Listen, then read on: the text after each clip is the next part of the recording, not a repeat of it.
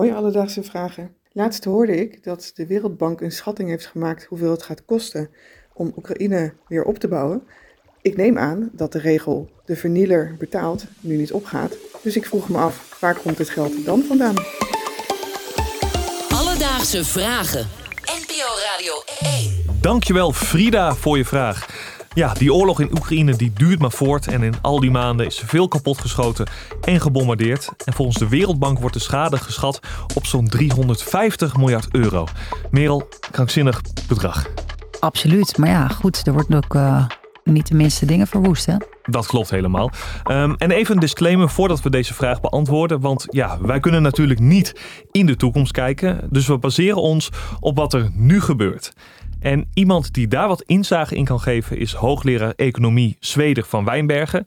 Hij heeft veel ervaring met het onderwerp, want hij was als econoom in de jaren 90 ook betrokken bij de wederopbouw van Bosnië na de Joegoslavische burgeroorlog. Is dat ook waarom je bij hem uitgekomen bent? Ja, inderdaad. Uh, ik had al eerder toevallig een, uh, een item van hem gezien waar hij daar ook over sprak. Ja, en ik dacht, dit is de man die wij moeten hebben. En Merel, ik weet niet hoe het met jou zit, maar waar ik ook meteen aan moest denken is, ja, als iemand iets stuk maakt dan moet diegene betalen.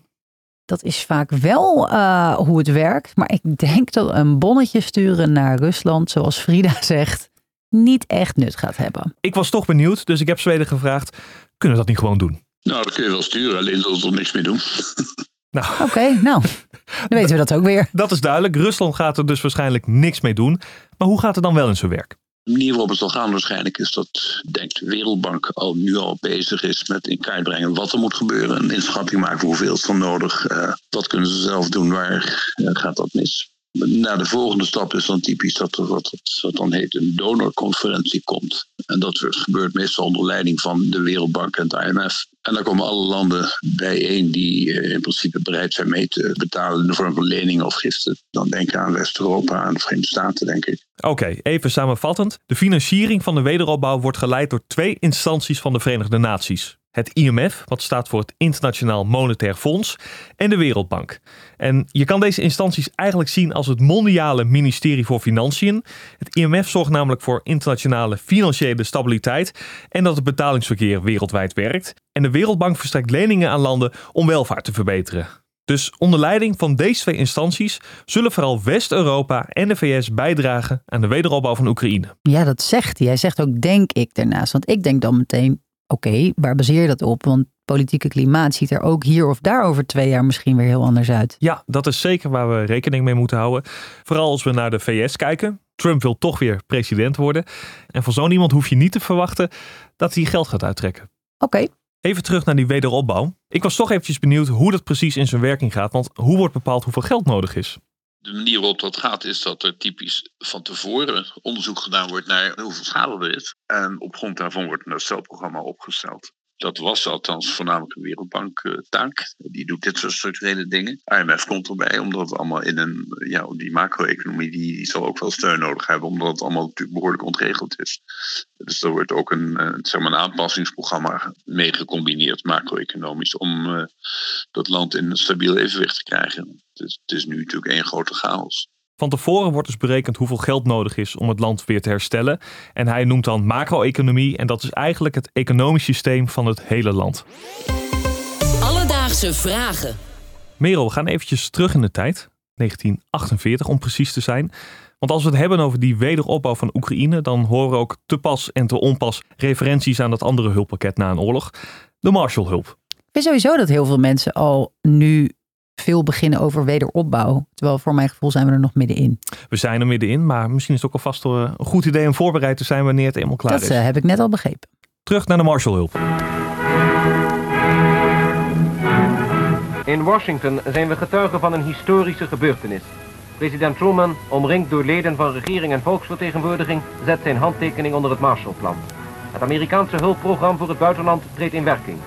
Voor de landen van West-Europa komt dit jaar een bedrag van 2,5 miljard gulden beschikbaar dat het economisch herstel van deze landen zal bevorderen. Dit Marshallplan was een gigantisch steunpakket van de VS om Europa er na de oorlog weer bovenop te krijgen. En uiteraard ook wat geopolitieke invloed in Europa te krijgen ten opzichte van de Russen. Maar ik was wel benieuwd, want je hoort EU-leiders die zeggen we hebben dit weer nodig. En ik vroeg Zweden daarom, heeft de vergelijking met het Marshallplan eigenlijk wel zin in deze situatie waar we nu in zitten? Nou, dat werd wel anders opgezet. Kijk, ten eerste was er ten tijde van het Marshallplan. Uh, ja, daar speelde die Wereldbank en IMF geen rol. Die zijn pas in 48 opgezet. Het Marshallplan is eigenlijk, heeft Amerika gewoon gedaan. Amerika heeft op zijn eigen hartje West-Europa weer op de en Engeland weer op de rails gezet. Uh, ik verwacht niet dat ze dat deed. Ik verwacht wel dat ze deze keer de grootste bijdrage zullen leveren. Uh, als strategisch de belangrijkste speler. Maar ik verwacht niet dat ze het helemaal alleen zullen doen. Nou, die vergelijkingen die dus worden gemaakt met het Marshallplan, die kunnen we wel uit het raam doen. Ja, loslaten. Ik had wel nog een vraag, want uh, moeten wij bijvoorbeeld als Europese belastingbetaler of Nederlandse belastingbetaler ook mee gaan betalen? Dat heb ik nog even gecheckt bij Zweder. En volgens hem hoeven we daar niet echt rekening mee te houden, want het gaat waarschijnlijk om een eenmalige bijdrage. En grote kans dat het zelfs wordt betaald vanuit het geld voor ontwikkelingshulp. Dus Frida, om antwoord te geven op je vraag wie betaalt de wederopbouw van Oekraïne? Een voorspelling doen wie in de toekomst de portemonnee gaat trekken blijft lastig. Maar wat we wel weten is dat de Wereldbank en het IMF al in kaart brengen wat er na de oorlog nodig is om het land te herstellen. En naar verwachting zullen West-Europa en de Verenigde Staten het meeste bijdragen aan de wederopbouw van het land. Maar hou altijd een slag om de arm. Heb je ook nog een vraag? Stuur ons dan een berichtje op Instagram. Dat kan naar Alledaagse Vragen. Of je kan een mailtje sturen naar alledaagsvragen.radio1.nl en dan zoeken we het voor je uit. Vind je onze informatie nou heel leuk? Dan geven we vaak ook wat extra's weg. En dat doen we ook op de Instagram pagina van Alledaagse Vragen. Dus check daar voor meer info. Alledaagse Vragen. NPO Radio 1. PNN Vara.